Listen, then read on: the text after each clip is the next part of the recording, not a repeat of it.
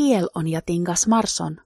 Se volas sendi kosmoŝipon al Marso, oni unue bezonas rapidan raketon pro la gravita tirado de la Tero. Ju pli pesa estas la kosmoŝipo, des pli forta devas esti la raketo se oni volas ekveturi. Sekva paŝo estas certigi, ke la lanĉo okazas ĝusta tempe.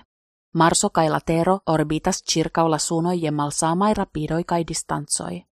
Foje ili estas tre malproksimaj kaj alifoje ili proksimiĝas. Circa ciuin du jaroin, la du planedoi estas en perfectai positioi por atingi Marson per kiel eble malpleida raketa brulajo. Tio gravas. La tuta voyaggio estas 500 milionoi da kilometroi. Fine certigu che via celo estas giusta. Vi povas celi por kie Marso estas en la tempo de lancio. Vi devas celi por kie gi estos kiam vi alvenos tien.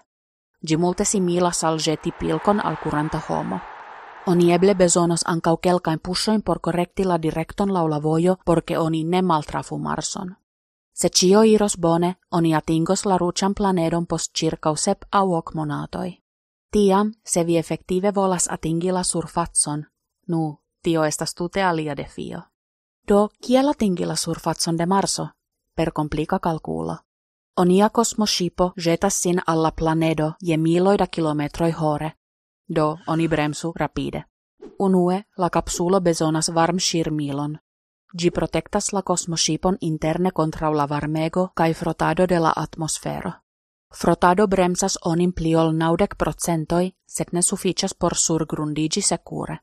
Oni uzu paraŝuton por malrapidigi sin eĉ pli.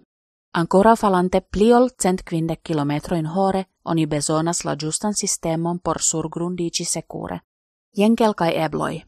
Por malgranda gis granda esplorveturilo oni usu kusenon da aersakoi kune kun raketai motoroi. Trafu je kvinde kilometroi hore kai resaltu gis halto. Por granda surgrundigilo oni usu raketain motoroin kai surterigiain kruroin gis surgrundigio irante circa dek kilometroin hore. Au por granda pesa esplorveturilo oni usu grandan rakettornistron por mal rapidicado gis mal pli ol 3 kilometroin hore. Poste oni milde mallevu gin per cabloi por surgrundigi sur giai radoi. Kielain oni faros gin, oni bezonos lertetson kai klopodon. Estas nenio facila pri surgrundigio sur Marson.